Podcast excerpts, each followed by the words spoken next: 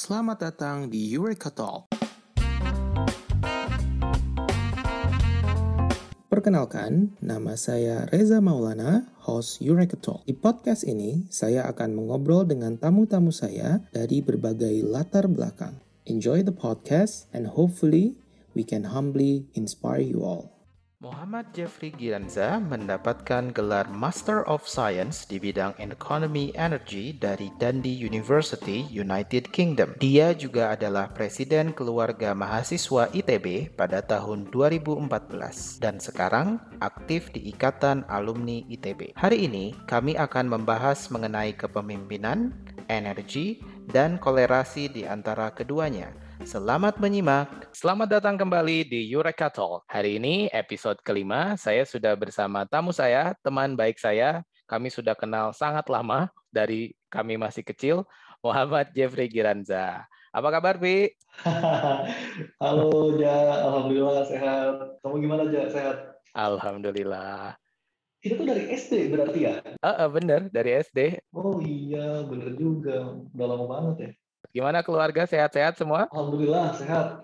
Alhamdulillah. Jadi teman-teman, kami udah kenal dari SD berarti kalau sekarang udah lebih dari 20 tahun. Bahkan waktu SMA, tiga tahun kami duduk satu bangku gitu. Oh iya, bener juga. Jadi uh, it's been a long story ya.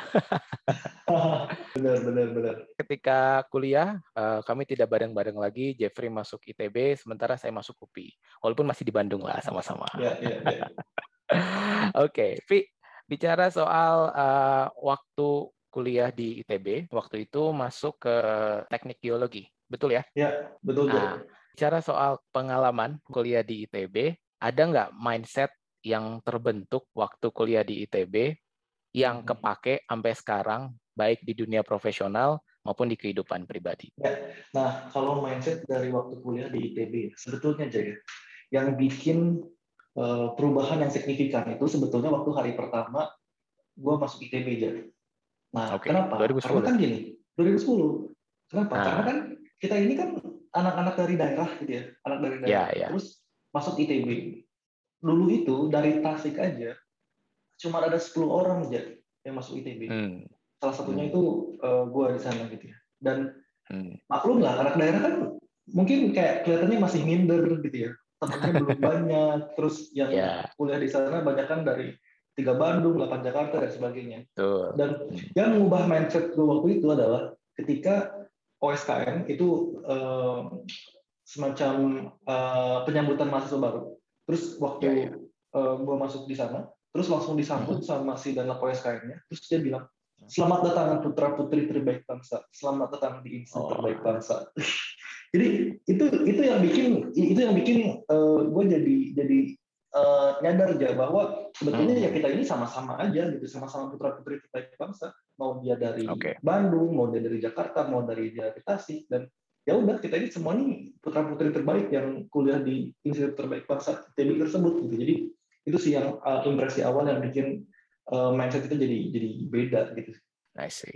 Oke. Okay.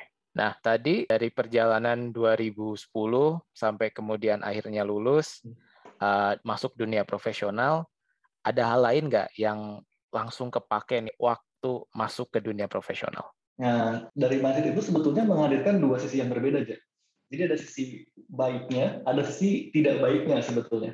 Kan kalau dari sisi baiknya itu adalah uh, yang tadi ya, yang tadi gue bilang kan. Jadinya kita hmm. menganggap bahwa kita ini ya sama-sama setara gitu, sama-sama terbaik bangsa. Dan akhirnya kita harus membuktikan bahwa kita ini benar-benar yang terbaik gitu kan. Cuman ada sisi buruknya juga. Kenapa? Karena uh, banyak orang-orang di ITB sana hmm. akhirnya seperti memelesetkan. Okay. Jadinya kayak gini, apa pun yang kita lakukan, itu yang terbaik yang bangsa ini bisa lakukan. Dan akhirnya itu jadi buruknya juga sih sebetulnya. Tapi itu sih dua sisi aja, ya, dua sisi yang emang cukup berbeda gitu ya.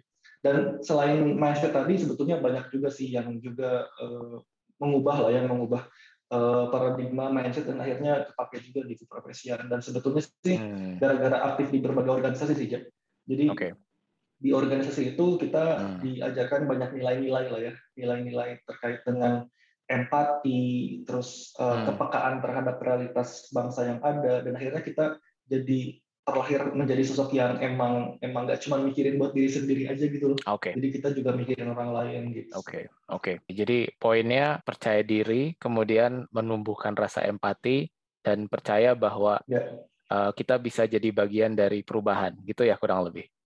benar, benar, Oke. benar banget. Nah, berarti selesai dari ITB 2015 betul ya? 2015. Oke, kemudian uh, berangkat uh, ke Dandi itu awal 2017 atau akhir 2016? Awal 2017. Ah, Oke, iya iya. Sebetulnya kuliahnya mulai 2017 Ah. awal, tapi berangkat itu di akhir 2016. Oke. Sekarang uh, pertanyaannya kenapa pilih Dandi dan spesifiknya kenapa pilih uh, economy energy betul ya? Ya, betul. Oke. So, kenapa pilih Dandi? Nah, jadi pertama kenapa pilih Dandi? Em, sebetulnya ada dua alasan gitu ya. Yang alasan pertama Hmm. yang emang beneran strategik gitu yang sesuai gitu ya. Eh, Ya. Yang pertama itu adalah karena di Dandi itu em, eh, dia punya Center for Energy, Petroleum and Mineral Economics, eh, di mana Oke. si center ini merupakan salah satu yang terbaik di dunia. Jadi kalau misalnya kita mau ngerti banget, memahami banget terkait dengan ekonomi dan low eh, dari eh, sektor energi itu yang paling oke banget sebetulnya di eh, University of Dundee. Itu itu itu yang pertama. Terus yang kedua Hmm. sebetulnya ada ada alasan praktikal juga sih sebetulnya aja karena Hmm. di Dundee itu kan ya di UK ya dan di UK itu kan kuliahnya cuma Hmm. setahun masternya dan waktu itu juga Oh, oke. gue nggak mau eh, apa ya spend waktu banyak sampai dua tahun gitu loh buat S2 Ya, karena ya, ya. takutnya I kehilangan momentum juga buat bisa berkarir di Indonesia. Jadinya gue pilih yang Hmm. satu tahun aja sehingga bisa cepat juga balik ke Indonesia. Itu I kalau dari segi Oke. eh, kampusnya ya. Terus kan kalau tadi ini juga yang terkait dengan energi economics-nya. Nah pertama mungkin kenapa kenapa masih energi? Karena energi ini kan Hmm. eh, sesuai gitu ya sama background pendidikan di awal. Itu kan teknologi ITB gitu ya. Dan habis itu juga eh, kerja itu di eh, berbagai macam instansi yang emang eh, bergelut di sektor energi juga. Jadi eh, masih Hmm. inline lah sama sama sama experience dan juga passion juga sih. Nah terus kalau ekonominya sendiri karena kan ini ekonomi energi. Nah S1 kan teknik ya dan eh, kebanyakan juga waktu kerja juga teknik juga. Nah Eh, padahal kan di sektor energi ini nggak cuma keteknikannya aja, tapi ada ada isu finansialnya, terus ekonominya dan sebagainya. Nah, pengennya bisa eh, master di sektor energi, tapi dari berbagai sisi gitu ya. Tekniknya bisa, ekonominya juga jago, terus policy juga ngerti. Jadinya bisa bisa end to end lah, end to end knowledge dalam satu sektor. Itu sih Jar. I see. Oke, jadi all in lah ya istilahnya kayak gitu. benar, benar, benar, benar. I see. Ya. Oke, nah tapi eh, berarti so far udah punya pengalaman kuliah di dua negara. Em, pasti ada perbedaan dong, eh, selain jenjangnya juga proses perkuliahan di Indonesia dan di UK eh, pasti punya perbedaan. Ya. ceritain dong eh, struggle waktu kuliah di UK gitu. Apa aja yang perlu diperjuangkan gitu supaya mungkin eh, Mhm. teman-teman yang pengen kuliah di luar negeri dapat gambaran gitu karena seringnya kan kalau orang yang eh, ngelihat wah si ini enak kuliah di luar negeri bisa jalan-jalan dan seterusnya padahal di balik itu banyak hal yang perlu diperjuangkan kan gitu. Nah, kira-kira apa aja nih dari pengalaman waktu kuliah di Dundee? Benar banget sebetulnya yang eh, sangat-sangat berbeda dan sangat-sangat perlu diperjuangkan sebetulnya. Tapi mungkin beberapa yang utama gitu. Yang pertama sebetulnya Ya. Bahasa. Itu Oke. itu berat banget gitu ya. Eh, kenapa? Karena oke di sana itu eh, mereka eh, bahasa mother tongue-nya emang bahasa Inggris gitu ya. Tapi kan mereka itu aksen itu aksen aksen Scottish ya. Dan itu Iya, tuh iya, iya, iya. eh, beda banget dan kadang-kadang eh, nggak sesuai gitu loh sama pelafalan di eh, English eh, British atau Ya, di standard Amerika English gitu ya. Iya, jadi Iya, jadi, iya, iya. jadi, Ah. jadi ada yang ada yang ada yang unik juga ya waktu gue pertama kali datang ke sana kan gue beli Hmm. makan sama beli pakaian tuh di McD sama di Iya, Primark waktu itu. Terus waktu gue Ah, ah, beli baju di Primark, terus waktu gue mau mau bayar, terus si kasirnya Hmm. bilang, "Do you need a bag? Do you need a bag?" Apaan ini dia nebak ini nebak gue bingung juga tuh dia ngomong apa ya terus gue ya ya ya sorry terus dia nebak gitu. apaan ini tapi akhirnya akhirnya akhirnya gue waktu itu uh, oh no thank you no thank you kan nggak ngerti juga tapi setelah setelah gue memahami lagi waktu pulang ternyata dia tuh bilang do you need a bag gitu ya Ah ya ya, I see. Jadi, kayak ini banget kayak ini banget gitu. karena kan ya, ya. Uh, dengan dengan segala aksen stokisnya dan sebagainya. Jadi itu itu bahasa uh, struggling banget sebetulnya meskipun itu di fase-fase awal lah ya tapi kalau misalnya udah yeah. selesai uh, satu bulan dua bulan di awal habis itu uh, lancar banget gitu ya nah itu yeah. itu yang pertama aja terus yang kedua hmm. sebetulnya uh, duit sih ya uh, oh. itu itu yang struggling juga sih karena uh, sadar nggak sadar uh, semua nggak semua sih, hampir semua biaya yang kita keluarkan itu memang memang jauh lebih mahal gitu ya dibandingkan dengan yang biasa hmm. kita keluarkan di Indonesia, terutama terkait dengan okay. jasa ya, terutama terkait dengan jasa. Oh iya. Kalau misalnya produk-produk mentah sih nggak jauh beda bahkan lebih murah sih ya. sebetulnya. Yeah. Cuman kalau udah hmm. ngomongin hmm. jasa hmm. itu bayarannya mahal hmm. banget. Jasa-jasa yang biasa kita cuma bayar kayak sepuluh ribu, dua puluh ribu itu di sana bisa ratusan yeah. ribu rupiah gitu ya. Contoh paling yeah. gampang ya potong rambut lah ya. Ya. itu itu. Oh di eh, berapa di di dan di rata-rata. itu tuh uh, minimal tuh 10 pounds tuh jadi kayak dua ratus ribu ah sih uh, dan, dan pakai itu, harus pakai tip nggak? Ah itu nggak harus juga sih. Emang harus ya di US oh, kalau waktu di US tuh huh? itu ada unwritten rule lah kayak gitu. Oh iya iya iya, iya. biasanya uh, orangnya bakal kayak apa ya kalau bahasa Sundanya mah baut gitu lah oh. kalau nggak dikasih tip gitu. Iya, iya, iya, tapi iya, ya iya. setuju memang uh, di US juga waktu itu kurang lebih uh, apa namanya kondisinya sama. Iya, silakan pi lanjut. benar benar benar.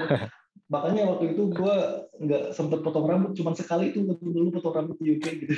Jadi emang berat banget. Okay. bahkan ada juga aja yeah. orang Indonesia yang sengaja ke UK jadi tukang pijit Oh. Kenapa? Karena jasa itu emang bener-bener mahal di sana. Kayak sekali yeah, di yeah. sana tuh bisa sampai satu juta rupiah gitu loh kalau dirupiahin. Iya, iya. Jadi kayak yeah. gila banget sih, gila banget sih. Nah, ah. itu itu yang kedua gitu yang emang uh, hmm. susah banget. Terus yang ketiga, sebetulnya hmm. nggak hmm. tahu ya ini lebay atau enggak. Sebetulnya kalau hmm. kita udah cukup lama di sana, itu homesick juga aja. Ah, homesick yeah, juga sih. Jadi yeah. kayak satu bulan dua bulan pertama kita excited gitu. Apalagi gue waktu yeah, yeah. itu uh, apa um, musim dingin waktu itu terus terus salju terus okay. kan orang-orang pada di rumah gue keluar kan ya itu seneng banget itu tapi itu ya, ya. cuma sebulan dua bulan pertama gitu loh tapi kalau misalnya ya. udah lewat enam bulan terus uh, ada masalah di kampus terus misalnya kita ya. lagi capek banget terus kayak ya. tiba-tiba kita kepikiran aja kok jadi pengen pulang kok ya. jadi ingat keluarga di rumah kok ingat jadi teman-teman di rumah dan sebagainya lah jadi ya. itu sih yang ketiga kayaknya homesick juga sih pernah kerasa juga gitu sih oke okay. siap siap nah tapi tadi hmm. sudah uh, disebutkan hal-hal yang istilahnya general ya secara umum gitu, Pi. Hmm. Nah, kalau misalkan kita push sedikit ke sistem pendidikannya sendiri gitu, Pi. Ya. Kalau ada satu hal Pi, dari pendidikan tinggi di UK yang perlu diadaptasi di pendidikan tinggi di Indonesia, kira-kira apa dan Aduh. kenapa? Duh, ini, ini pertanyaan berat banget nih. kayaknya ya uh, ada sih beberapa hal sih sebetulnya ya yang, okay. yang kayaknya hmm. perlu kita apa ya perlu kita uh, sesuaikan adaptasi ya, adaptasikan ya. sebetulnya okay. hmm. yang pertama itu menurut gua ya hmm, kalau ngomongin sistem pendidikannya ya sebetulnya masalah kurikulum sih ya itu yang pertama okay. sih dan utama sih hmm. kenapa karena hmm. ya, gua gua banyak ngobrol sama uh, teman-teman gua di sana dan teman-teman yang hmm. nggak hmm. cuman uh, asal dari UK gitu ya. Jadi yeah. mereka itu nggak nggak nggak kayak hafalan kayak kita gitu loh. Jadi okay. kalau kita tuh kayak dipaksa untuk menghafal, mengerti hmm. sesuatu dengan cara yang cepat, hmm. tapi sebetulnya hmm. akar dari uh, critical thinking itu nggak dapet thinking. sebetulnya. Jadi yeah. Ya. uh, logika berpikirnya, terus terus uh, critical hmm. thinkingnya, terus Uh, bahkan kebebasan kita buat berbicara itu kayaknya nggak nggak sestrong hmm. di sana gitu jadinya uh, okay. kita itu lebih banyak kayak ngehafal terus lupa gitu kayak kayak kita waktu dulu yeah, yeah. sekolah gitu kan kita cuma ngertinya pas mau tes doang pas mau ulangan doang ulangan, lupa yeah, lagi yeah, yeah.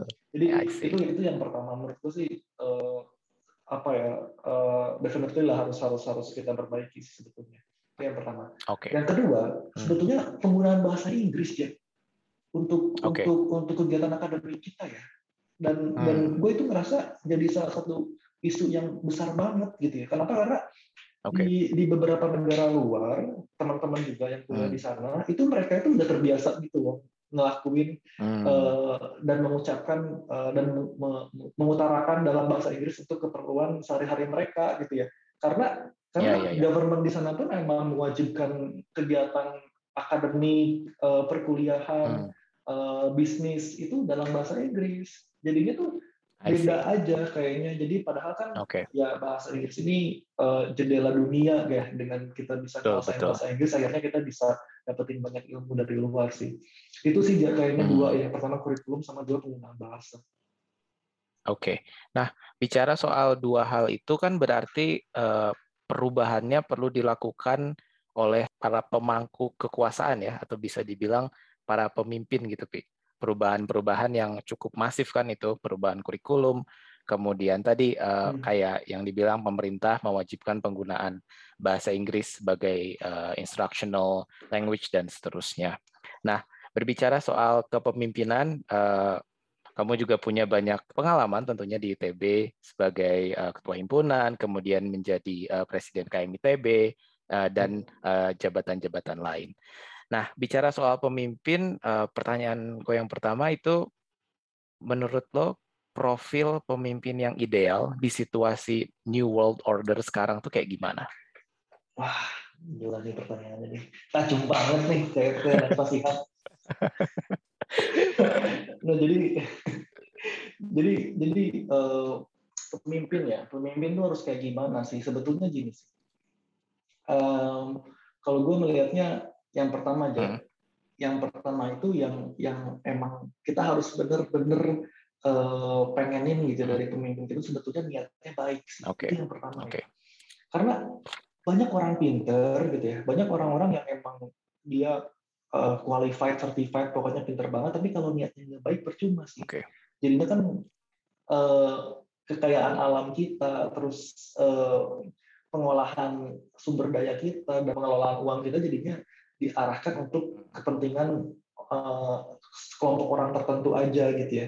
Jadi sebetulnya sih okay. menurut gua yang pertama itu tadi sih yang pertama emang niat dari si orang pemimpin itu emang harus baik banget gitu ya. Itu itu yang pertama gitu ya. Terus yang kedua punya pemahaman-pemahaman yang emang emang strong gitu ya, pemahaman-pemahaman yang emang strong untuk bidangnya masing-masing gitu ya. Jadi jadi ya kalau dia pemimpin negara ya emang dia harus ngerti aja mengelola negara tuh kayak gimana. Kalau dia mimpin di sektor pendidikan ya dia emang harus ngerti banget di sektor pendidikan. Kalau dia mimpin di sektor energi ya dia harus ngerti juga di sektor energi. Karena kenyataannya tuh banyak juga kayak orang-orang yang emang tidak qualified di bidang tersebut tapi dia megang hal tersebut. Hmm.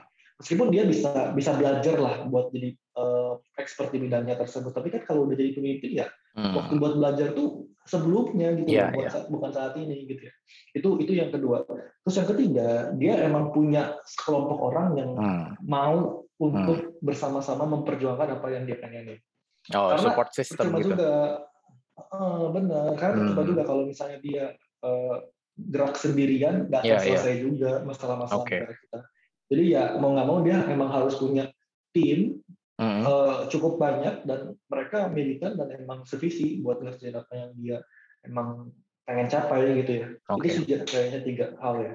Uh, bicara soal orang yang memang punya hmm. niat ingin memimpin gitu, banyak orang yang pengen berniat ingin melakukan hmm. perubahan dan seterusnya. But along the way, kadang-kadang banyak situasi yang membuat orang-orang tersebut dalam situasi yang ya bisa dibilang si malakama lah melakukan ini salah, lakuin itu juga salah.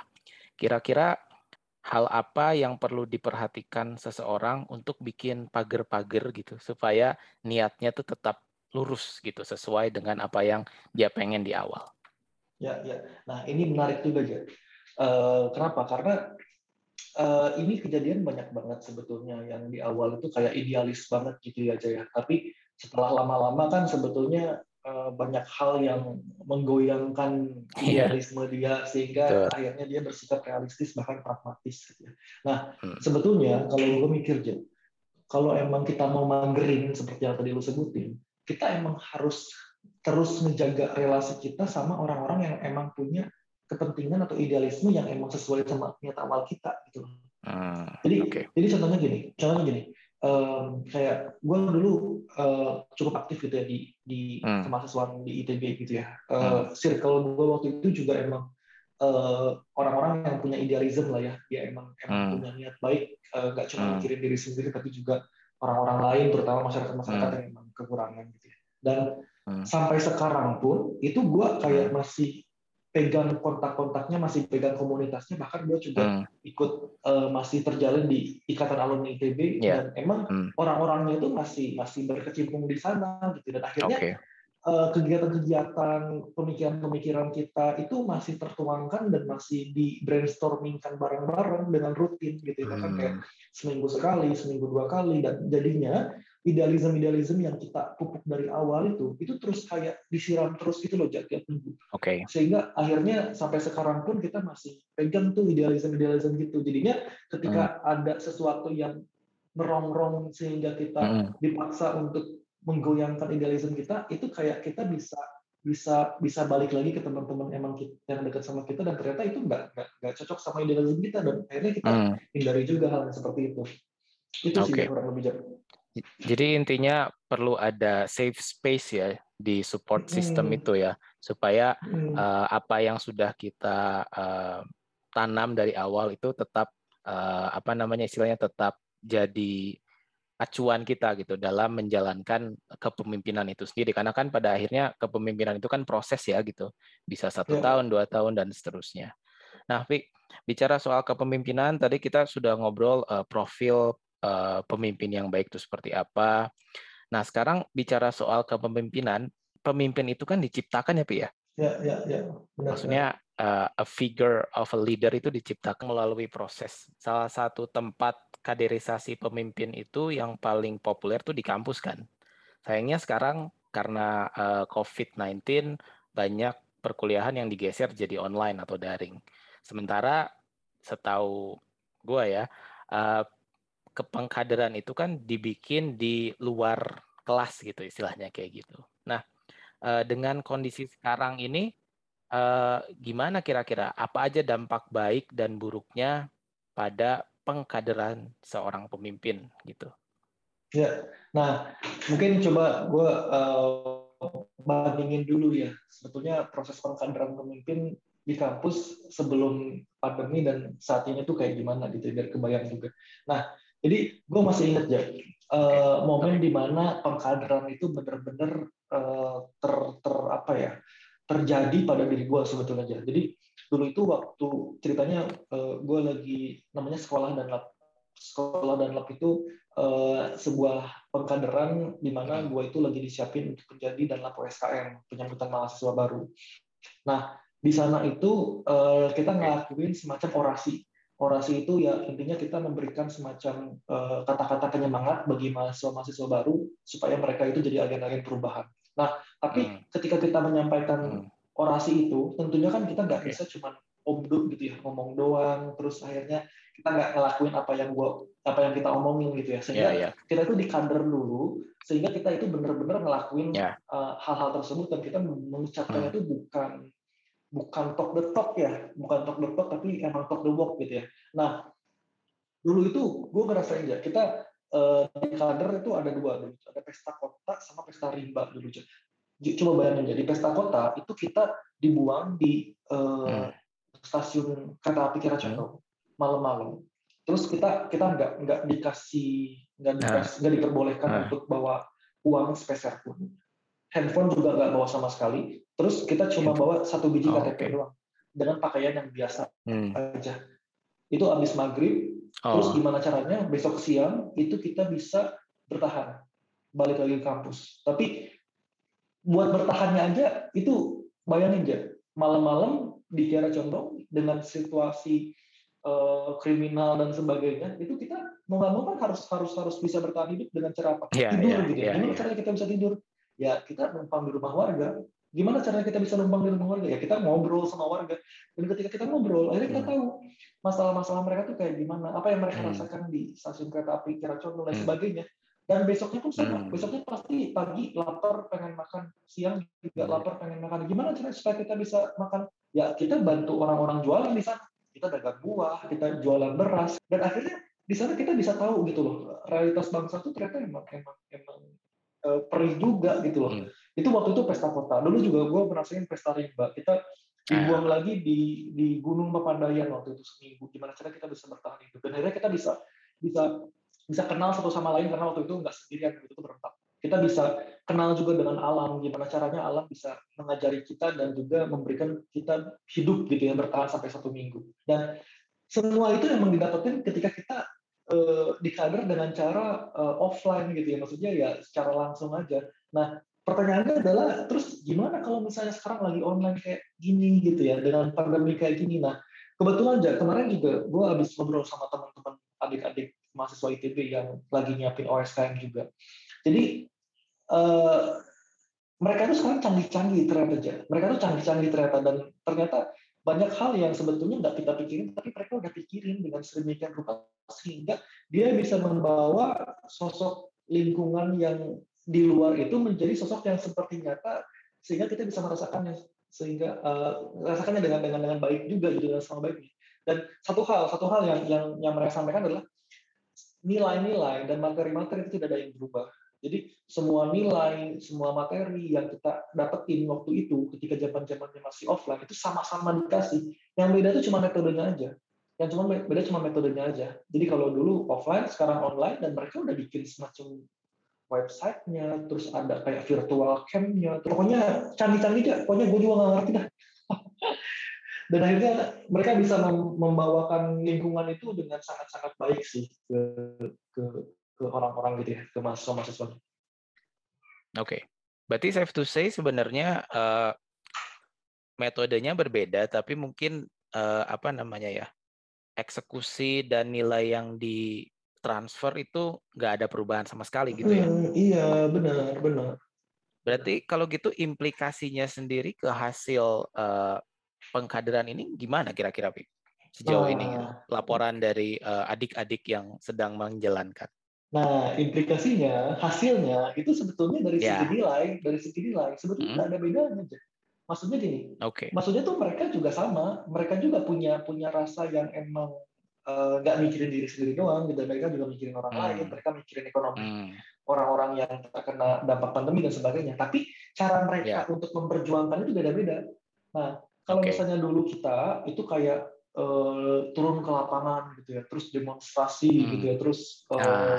apa dobrak pagar dan sebagainya lah nah yeah. Ya. uh, sekarang itu mereka gunakan dengan cara-cara yang beda aja mereka tuh kayak uh, kalau ada istilahnya tuh kayak klik aktivis sama keyboard warrior. jadi jadi okay, okay, jadi okay. jadi mereka itu ya meng, meng, meng, meng, menyuarakan apa yang jadi keresahan hati mereka tuh dalam dalam mouse dan keyboard aja gitu ya. Misalnya mereka okay. gak suka dengan dengan dengan apa dengan kebijakan pemerintah saat ini ya udah mereka bikin tulisan terus mereka posting aja di sosial media, mereka posting aja di rubrik uh, media massa gitu. Hmm. Jadi sebetulnya ini ini masalahnya di metode penyampaiannya aja sih. Jadi kalau dari segi uh, nilai dan uh, hmm. materi-materinya sebetulnya nggak jauh beda sih. Oke, okay, I see.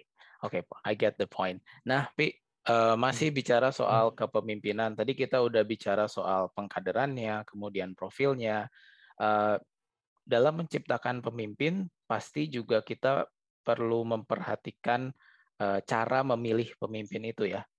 Nah, um, kemarin kan sempat um, jadi panitia di uh, pemilihan ketua ikatan alumni betul ya? Ya betul betul. Ya, nah bicara soal pemilu sebenarnya uh, mekanisme ideal dari pemilu itu kayak gimana sih, Pi? Kalau kita bisa membayangkan kan kita sekarang tahu pemilu uh, selalu isunya adalah money politics, kemudian apa namanya penggelembungan suara dan seterusnya gitu. Nah, sebetulnya mekanisme yang ideal itu pemilu itu seperti apa gitu kalau dalam skala besar gitu dan kira-kira kapan nih paling cepat di Indonesia skema itu bisa diaplikasikan? Nah, menarik nih, Jack soal pemilu ya. Jadi sebetulnya aja ya. Jadi kalau menurut gua akar masalah dari kegiatan eh, apa ya namanya penyelewangan uang negara dan sebagainya itu ya menurut gua sebetulnya hmm. karena mahalnya biaya politik supaya kita bisa jadi pemimpin yang dipilih sama rakyatnya. Kenapa coba aja? Karena supaya si orang itu bisa uh, dipilih itu harus keluar duit banyak banget gitu ya. Untuk menyelenggarakan semua event gitu ya. Terus baliho-baliho dan uh, volunteer-volunteer untuk jaga kotak suara dan sebagainya lah. Terus sama juga sebetulnya si KPU-nya juga. KPU itu buat nyelenggarain pemilu itu bisa habis 20 triliun aja dan itu nilainya cukup gede juga sebetulnya. Dan akhirnya apa? Ketika banyak banget duit yang perlu di spend sama orang-orang tersebut, akhirnya mereka uh, quote unquote perlu mengembalikan uang tersebut juga gitu dengan berbagai cara gitu. Akhirnya akhirnya akhirnya uh, segala potensi-potensi yang itu bisa terjadi gitu ya. Nah, sebetulnya gimana sih caranya supaya ini semua bisa nggak kejadian lagi? Salah satu solusinya kalau menurut adalah kita melakukannya dengan seefisien mungkin dengan memanfaatkan teknologi sehingga semuanya serba digital dan uh, bisa menekan biaya tapi tidak uh, mengurangi faktor keamanan dengan sangat signifikan. Nah, makanya makanya waktu dulu kemarin gua pemilu itu gue uh, diamanahi jadi ketua pemilu Ikatan Alumni ITB 2021 dan waktu itu kita berhasil uh, menggunakan sistem e-voting di mana sistem itu adalah pertama kalinya kita alumni TB menggunakan sistem iVoting full online untuk memilih pemimpin kita. Ujungnya apa? Ujungnya apa? Biaya yang kita keluarkan itu kecil banget jadi KPU itu kita nggak perlu bikin kotak suara di Jakarta, di Surabaya, di Bandung, bahkan harus buka kotak suara di Singapura dan sebagainya. Kita cuma bikin sistem aja. Kita bikin aplikasi di mana semua alumni TB di seluruh dunia itu bisa milih dan waktu itu pun akhirnya pemilih kita itu jauh lebih banyak dibandingkan periode-periode sebelumnya. Kemarin jumlah pemilih kita 21 ribu. Sementara periode-periode sebelumnya itu kurang lebih di 8 ribu, 9 ribu, 11 ribu. Akhirnya artinya dua kali lipat kita bisa bisa bisa gapai. Tapi sama sekali tidak menurunkan uh, keamanan yang sangat signifikan. Karena kita lakuin verifikasi dengan dengan dengan sangat sangat canggih gitu ya. Kita pakai face recognition gitu ya. Kita pakai uh, dukcapil juga kerjasama. Dan akhirnya kita bisa bisa bisa menjaga lah keamanan dan kenyamanan. Lalu dari segi calonnya pun juga berdampak signifikan juga. Karena kita mem memfasilitasi campaign-campaign yang emang dilakukan serba online gitu ya Eh, kita bikin webinarnya, kita bikin eh, virtual galeri, banyak banget yang kita bikin fasilitasi sehingga mereka itu cukup menggunakan wahana-wahana yang kita bikin supaya mereka bisa dikenal sama orang-orang dan mereka bisa dipilih sama orang-orang juga. Dan akhirnya biaya yang dikeluarkan oleh calon-calon itu juga nggak gede. Akhirnya apa? Akhirnya ada delapan calon ya, ada delapan calon yang mendaftarkan diri jadi calon ketua. Sebelumnya itu itu paling cuma tiga empat orang hmm. aja Kenapa bisa 8 calon? Karena mereka melihat ini biayanya murah gitu, nggak mahal gitu ya. Yeah. Dan akhirnya apa? Mereka pun melakukannya emang benar-benar dengan okay. biaya yang sangat efisien. Sehingga ketika duitnya efisien, pas menjalankan kepengurusannya pun ya nggak harus kayak gua ngutang dulu atau gua harus timbal balik sama orang lain dan buat unquote kan ini juga seperti seperti di pemerintahan Indonesia kayak sekarang gitu ya. Jadinya kan kalau biaya duitnya nggak terlalu besar kan kita juga nggak perlu balas budi ke orang-orang gitu ya. Ya. Itu sebetulnya. Oke. Okay. Oke. Okay. Jadi um, pemanfaatan teknologi ya kuncinya, Pi. Benar, benar pemanfaatan teknologi. Nah, tadi Pi bicara soal pemanfaatan teknologi. Uh, kalau di IITB kan demografi pemilihnya uh, cukup homogen ya bisa dibilang gitu. Maksudnya uh, berpendidikan dan seterusnya gitu. Terus juga uh, mungkin mereka sudah kenal penggunaan uh, IT dan seterusnya. Kira-kira kalau misalkan dibikin lebih besar nih skupnya, let's say study case pilkada kota atau kabupaten gitu, memungkinkan nggak sistemnya uh, dilakukan atau diadaptasi gitu? Kalau misalkan memungkinkan, adjustment apa aja kira-kira yang perlu dilakukan? Ah, jadi sebetulnya itu memungkinkan nggak? Kalau gue Hmm. bilang memungkinkan. Tapi emang kita nggak bisa bikin langsung di skala yang gede banget gitu ya. Ya. Jadi kita bisa Hmm. mulai skala dari yang kecil-kecil dulu aja. Hmm. Nah, sebetulnya eh, yang bisa kita pakai itu eh, yang paling enak sebelum kita masuk ke pilkada atau pemilihan presiden itu Hmm. sebetulnya ya pemilihan-pemilihan alumni atau pemilihan Hmm. organisasi masyarakat yang Hmm. memang lokasinya tersebar di banyak area. Sehingga kita butuh eh, suatu sistem yang membuat eh, pemilihannya lebih efisien. Oke. Karena kalau misalnya pilkada emang efisiensinya itu sebetulnya nggak terlalu gede ya karena kan misalnya pilkadanya di kota Tasikmalaya misalnya kan nggak cuma Ya. Tasikmalaya aja jadinya kan cakupannya nggak luas kan sebetulnya Ya. jadi Hmm. oke itu terjadi efisiensi sebetulnya tapi emang nggak segede kalau misalnya kita bikinnya seluruh Indonesia atau bahkan satu dunia gitu Oh, kan. Oke, I got it. Nah, Ya, ya, ya. Nah, eh, jadi itu itu yang itu yang pertama. Jadi signifikansinya Hmm. itu bakal bakal gede banget kalau misalnya dilakukan di pemilihan eh, seluruh Indonesia atau satu dunia gitu ya. Misalnya kan alumni UI misalnya yang tersebar di Hmm. seluruh dunia kan itu enak Ya. banget tuh. Gak perlu Ya. alumni UI bikin bikin kotak suara di New Zealand dan sebagainya kan. Ya, ya. Eh, itu itu itu itu yang pertama. Yang kedua, eh, improvementnya apa kalau memang kita mau implikasikan. Nah, jadi sebetulnya kalau emang mau bener-bener aja diimplikasikan untuk Indonesia gitu ya, Hmm. sebetulnya kita bisa pakai sistemnya blockchain ya. Hmm. Jadi itu super aman gitu ya. Jadinya kan eh, kalau kalau sekarang yang kita punya ya sebetulnya belum sampai ke sana gitu ya. Jadi kan Oke. ya potensi untuk hacking, peretasan dan sebagainya itu masih bisa terjadi meskipun kita udah pakai semacam eh, banyaklah eh, firewall firewall yang digunakan gitu ya. Tapi Hmm.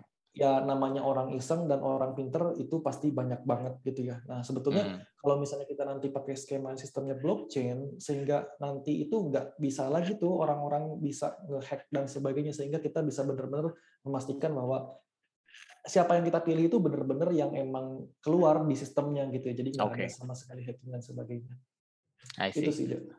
Oke, jadi eh, mungkin bisa diaplikasikan, but uh, there are still works to do ya, kayak gitu. yes yes betul banget ya. Oke, nah eh, kita udah membahas dua hal nih tadi eh, soal pengalaman di Dandi dan juga di ITB. Eh, juga kita membahas soal kepemimpinan gitu dari berbagai eh, angle atau berbagai sudut.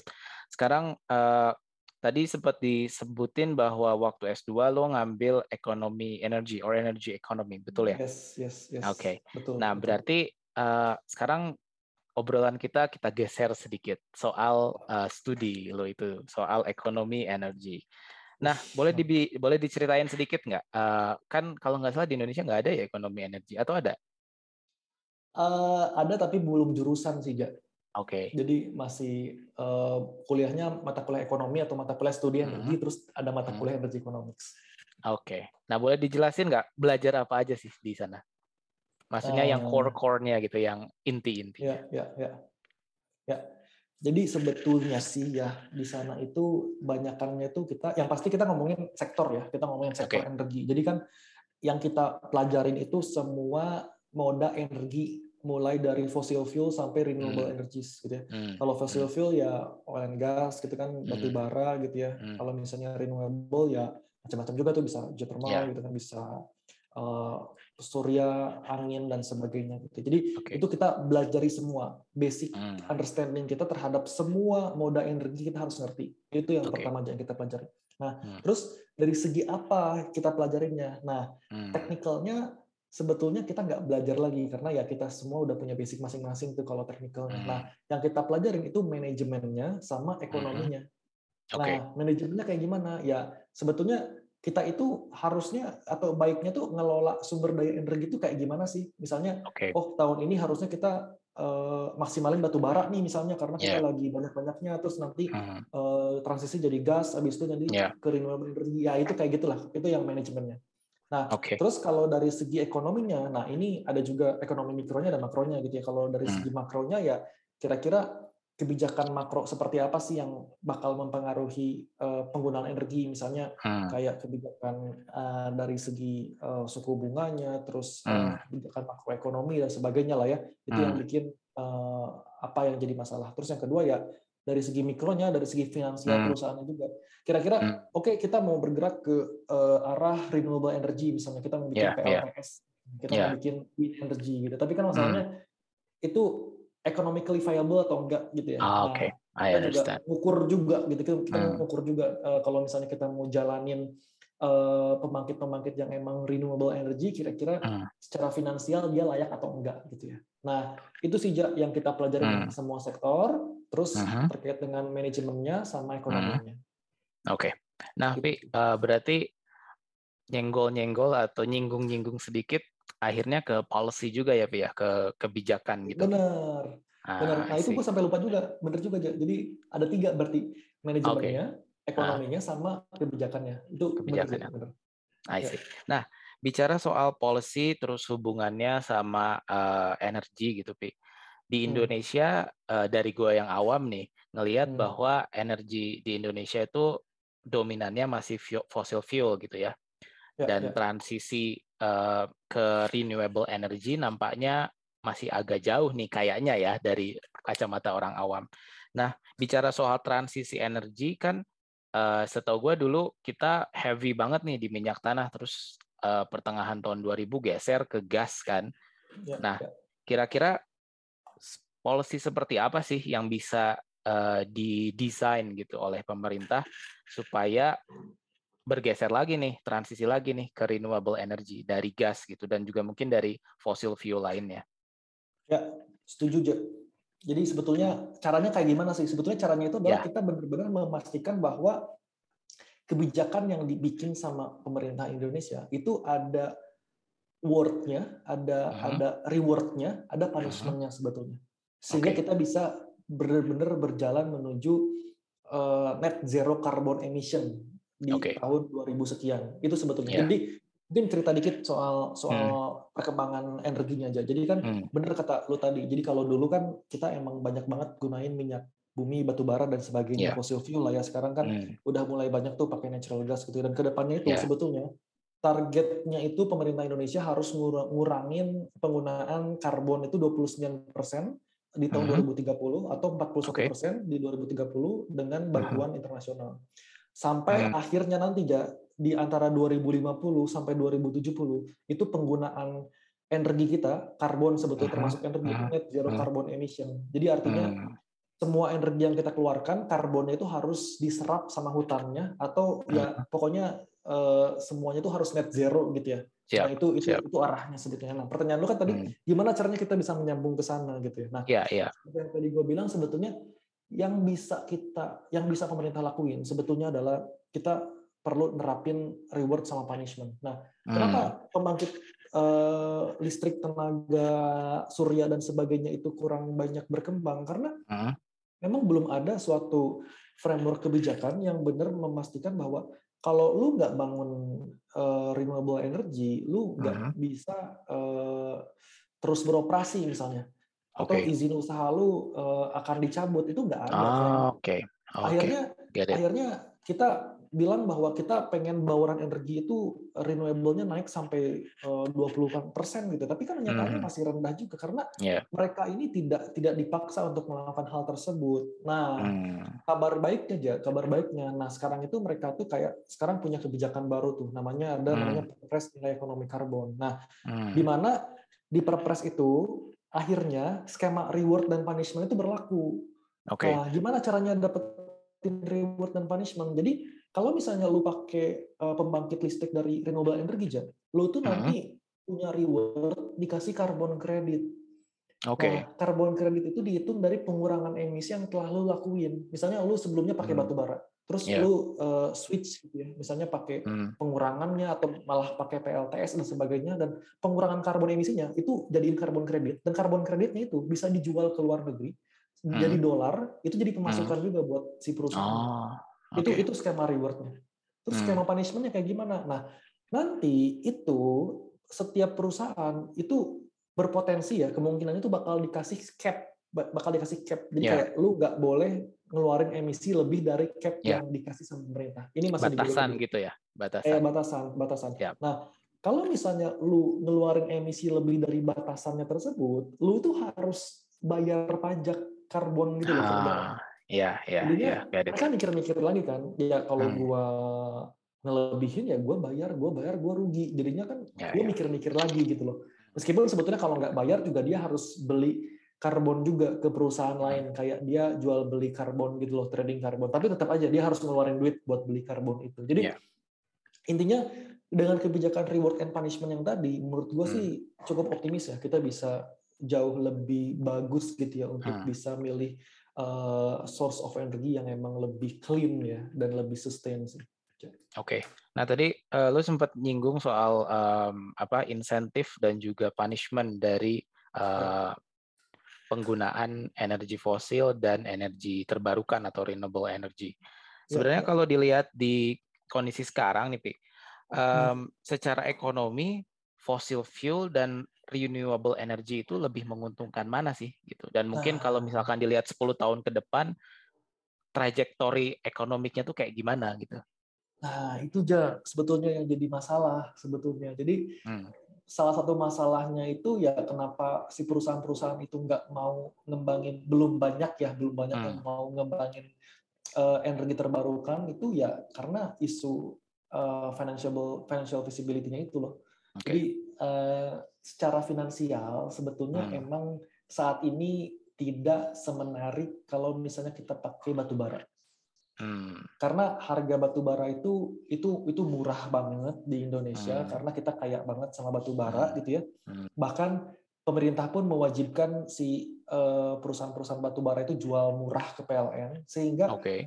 pembangkit listriknya itu jadinya murah banget kalau pakai batu Oke. bara Oke. sehingga mau itu PLN atau perusahaan swasta itu kayak pengen banget lah buat bangun batu bara karena harganya yang memang murah sehingga finansialnya pun mereka masuk gitu ya Oke. Nah, masalahnya kalau misalnya kita mau bangunnya itu pembangkit-pembangkit yang memang tenaga surya gitu, Hmm. tenaga angin. Nah, masalahnya adalah ada beberapa teknologi yang emang eh, biayanya tuh masih tinggi Hmm. sehingga itu membebani biaya secara keseluruhan.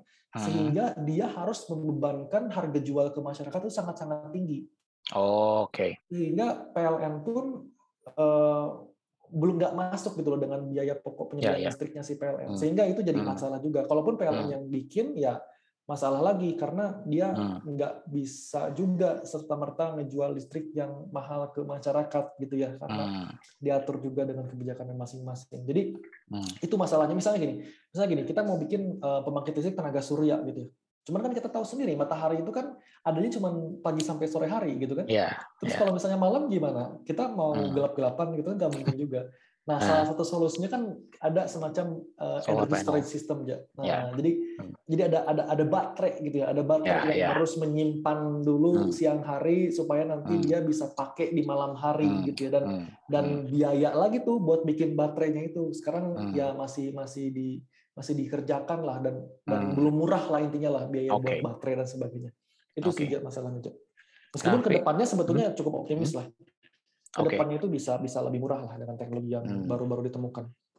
Berarti kalau kayak gitu, let's say uh, ada orang nih mau invest um, dua pembangkit listrik dengan uh, dua source energi yang berbeda. Pasti Hmm. kalau orang investor kan pengennya tahu BEP-nya kapan kan, break even point-nya Ya, kapan gitu. ya, Nah, di kondisi sekarang, uh, let's say pembangkit listrik ini dua-duanya punya kapasitas yang sama. Uh, Kira-kira kalau yang fosil itu BEP-nya kira-kira berapa lama, kemudian yang uh, apa namanya yang renewable berapa lama, kayak gitu mungkin. Kalau misalkan Ah. bisa dibandingin apple to apple gitu ya. Ya, ya.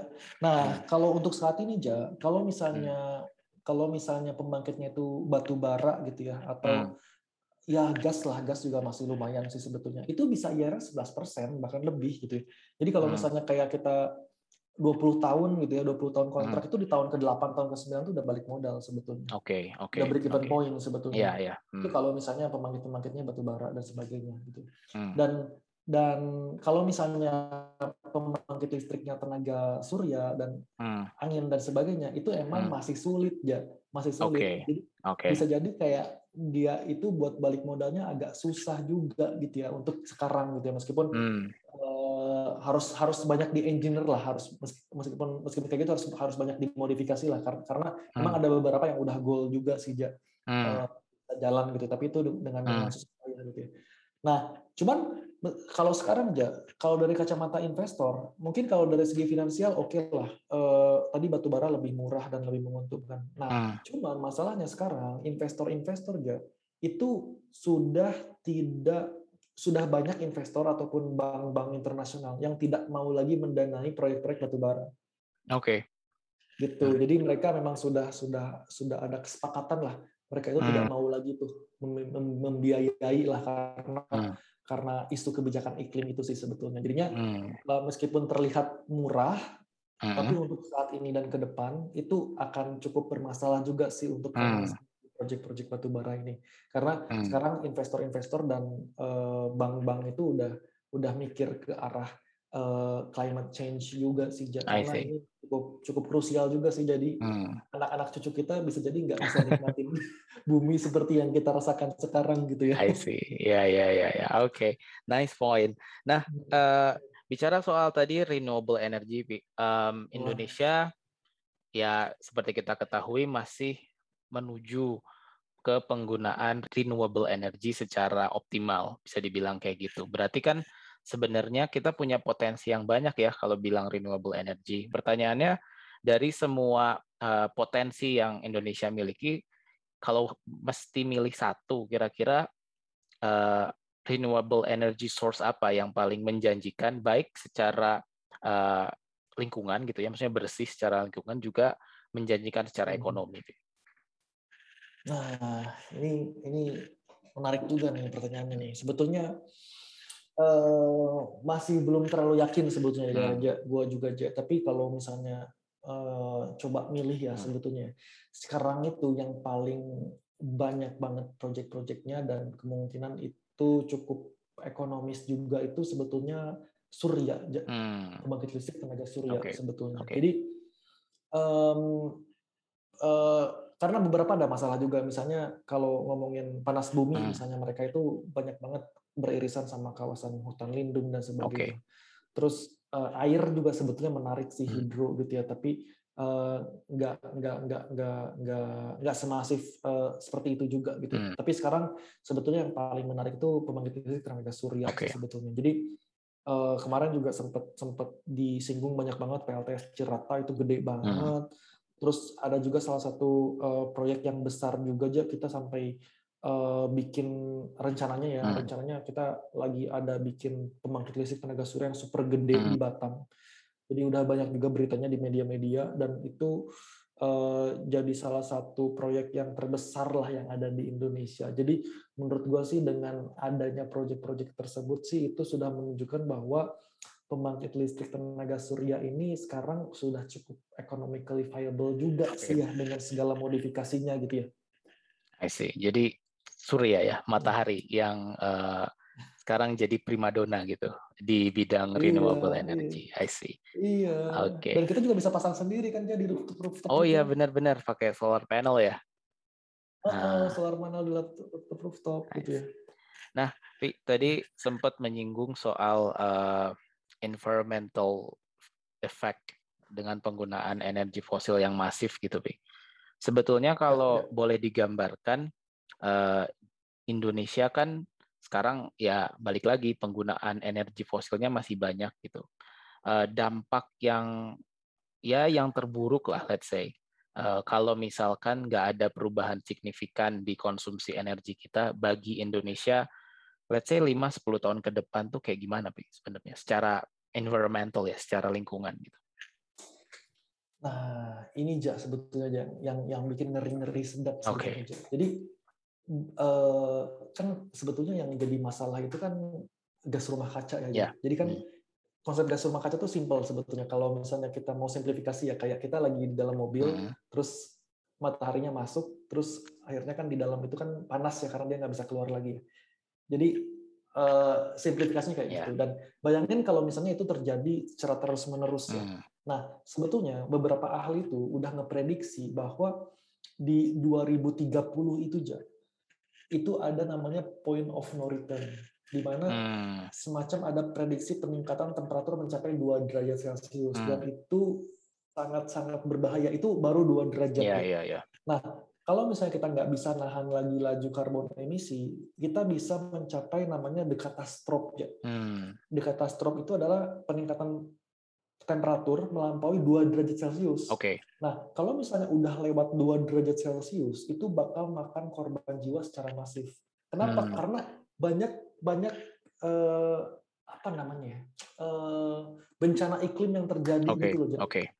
Eh, apa angin puting beliung lah, banjir Hmm, besar lah, hmm. terus kayaknya lu pernah juga ngerasain di Amerika kan, Eh, pernah apa sih badai dan Iya, sebagainya. iya, kan? iya. Pernah dengar-dengar. Tapi Dan, dan iya betul. dan dan banyak bencana iklim itu ya terjadi karena adanya peningkatan temperatur bumi Hmm. itu gitu ya dan dan ini jadi jadi apa ya jadi isu yang yang bener-bener bener-bener eh, ngeri juga Iya, iya. dan dan satu hal ya lu pernah dengar nggak gue dulu pernah dengar ini ada namanya eh gue lupa siapa namanya dia tuh environmental activist dia Oke. bilang di TED Talk kalau nggak Hmm. salah dia dibilang dia bilang di TED Talk dia bilang why should I be uh, why should I be studying for a future that soon maybe no more Greta no bukan? one is doing anything iya Greta iya, cuy, itu Thunberg. Greta. Yang perempuan. Iya. Ah, I see. Ya, ya, ya. Iya, yang perempuan jadi kayak ya udah gue ngapain lagi Iya. belajar buat sesuatu yang masa depan tuh nggak ada Iya, iya, sebetulnya I gitu see, I see. dan itu kayak kayak apa ya kayak menohok banget lah Hmm. buat kita kita yang masih ngerusak lingkungan dan sebagainya gitu ya Oke, nah Pi, eh, tadi kita sudah bicara di scope yang cukup gede ya gitu, maksudnya secara eh, secara global gitu, bahkan secara negara. Kalau misalkan ditarik ke lebih personal gitu, sebetulnya hal-hal apa sih yang bisa dilakukan, let's say mulai dari rumah tangga gitu, keluarga-keluarga di eh, perumahan dan seterusnya, Eh, hal-hal yang bisa dilakukan yang simple, yang bisa eh, mengurangi laju dalam tanda kutip kerusakan eh, bumi gitu.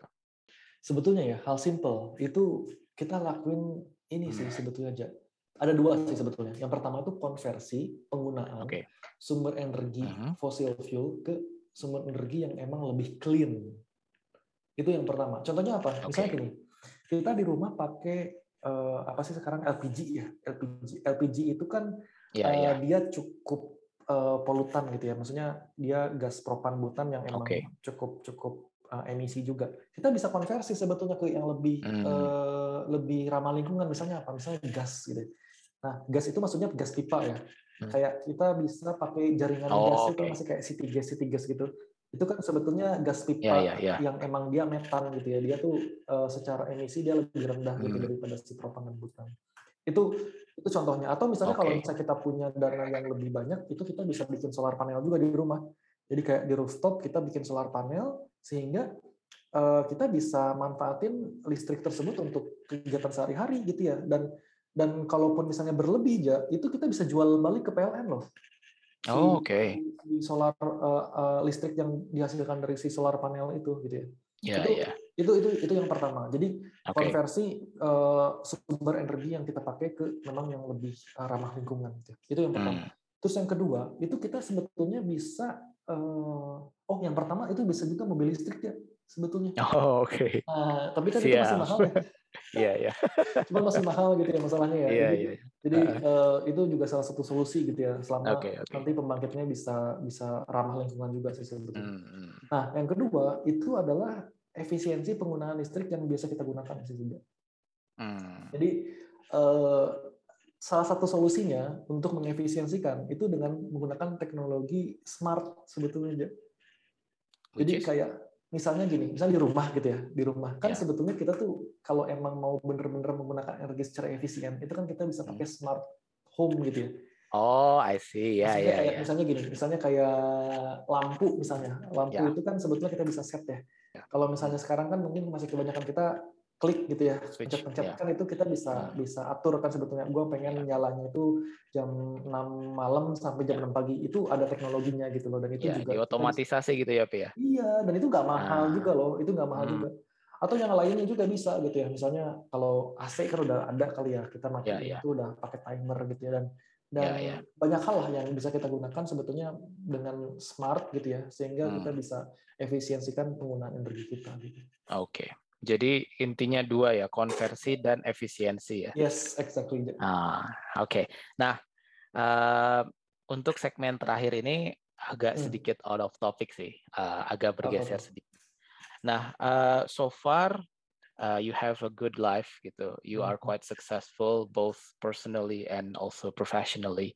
Amin. Nah, eh, sebenarnya ada nggak hal-hal yang selalu dilakukan sebagai small habits atau atomic habits? Gitu? Karena kebetulan gue baru baca bukunya gitu, jadi eh, pengen tahu nih dari orang-orang sukses ini ada nggak nih eh, small habits atau atomic habits yang nanti bisa gue replikasi gitu, Pi. Jadi so far selama ini dari mungkin dari mulai kuliah atau bahkan mungkin dari mulai sekolah sampai sekarang ada nggak hal-hal kecil yang mungkin dilakuin tiap hari nggak lama lah mungkin lima menit 10 menit tapi dari akumulasi hal tersebut mensupport eh, kesuksesan sekarang gitu baik itu secara daily atau mungkin secara eh, overall gitu ada nggak Pi, kira-kira Hmm, ada sih kayaknya. Ada kayaknya Oke. eh, beberapa mungkin ya. Dua lah. oke biasanya. silakan siap siap Satu sebetulnya kebiasaan itu adalah kebiasaan gua emang seneng seneng berkumpul gitu.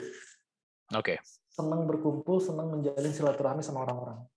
Hmm, Jadi eh, kan dulu kalau lu ingat itu waktu dulu SMP pun gua jadi ketua OSIS dulu ya. Lu ingat ya ya ya Dan Iya itu dong. juga emang sebagai eh, staff yang baik saya masih ingat salah satu salah satu eh, apa ya eh, salah satu penyebabnya kan karena emang gue seneng ngumpul sama orang gitu ya seneng ya, seneng oke. terlibat silaturahmi dan sebagainya dulu Hmm. waktu SMA juga sama masih aktif di osis meskipun Hmm, emang nggak mau lagi gitu ya jadi ketua osis dan itu juga kepake terus gitu loh sampai sekarang Hmm. akhirnya kan waktu gue di ITB gue tetap senang berorganisasi Ya. jadi ketua himpunan jadi presiden Hmm. KM ITB terus Hmm. abis abis kuliah pun gue masih aktif lagi di organisasi di ikatan alumni ITB dan itu gue lakuin Hmm. karena emang gue senang berkumpul aja gitu senang berkomunikasi Hmm. dan menjalin silaturahmi itu kan baik banget gitu loh. Betul betul dan betul. dan dan sadar nggak sadar aja kita ngelakuin emang senang aja gitu ya. Tapi ternyata Hmm. eh, dengan kita ngelakuin hal tersebut banyak hal baik yang kita dapatkan meskipun kita tidak mengekspektasikan hal tersebut datang kepada kita. Oke. Contohnya apa? Contohnya that's a apa? nice point. Eh, dari semua semua gimana ya dari semua pekerjaan yang gue pernah dapetin ya Hmm, gue real interview lengkap dari awal sampai Hmm. akhir tanpa referral sama sekali itu cuma sekali aja oh I see sisanya itu kayak gue cuma dapat undangan aja gitu loh undangan buat Ya. masuk ke sini terus diajak Hmm, eh, bos buat masuk ke sana dan Ya. Itu nggak ada masalah juga sih sebetulnya bukan maksudnya nepotisme juga ya tapi kan enggak ya selama, ya gitu selama kita punya kualifikasi dan kita Ya. selama punya sertifikasi itu nggak ada Hmm. masalah juga karena kan Hmm, banyak hmm. juga proses-proses pelelangan Ya. penunjukan langsung dan sebagainya itu banyak Ya. banget lumrah terjadi Ya. gitu. banyak orang Hmm. pintar tapi Hmm. banyak orang-orang nggak tahu bahwa orang tersebut pintar gitu jadi Iya. itu sih yang sebetulnya mengubah lah habit awal uh, dari kecil yang mengubah gitu itu itu yang pertama Hmm. Oke. yang yang kedua sebetulnya pemanfaatan teknologi untuk kehidupan sehari-hari aja Oke.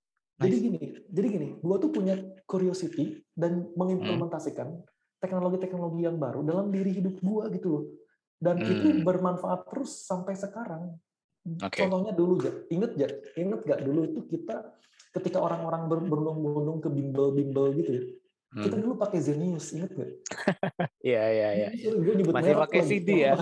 itu masih pakai CD Mas santai. itu Apa Mas? masih Siapa tahu eh, habis ini di endorse. benar benar benar benar benar Iya iya. coba coba bayangin ja kita kita dari suatu daerah di Tasikmalaya kita Hmm. pakai Zenius di mana orang-orang tuh nggak ngerti Zenius itu apa gitu even di Iya, Jakarta iya. di Bandung pun mereka nggak ngerti gitu nggak Pada saat banyak itu orang ya. yang ngerti pada saat itu gitu kita pakai Zenius dan itu super keren banget lu masih inget kan Sabda ngejelasin matematika yang super simple dan kita bisa nangkep Iya. dengan baik gitu ya dan Hmm. itu salah satu yang mengantarkan gue juga bisa bisa bisa lolos eh, apa SBM ITB dan sebagainya gitu Hmm, hmm, hmm.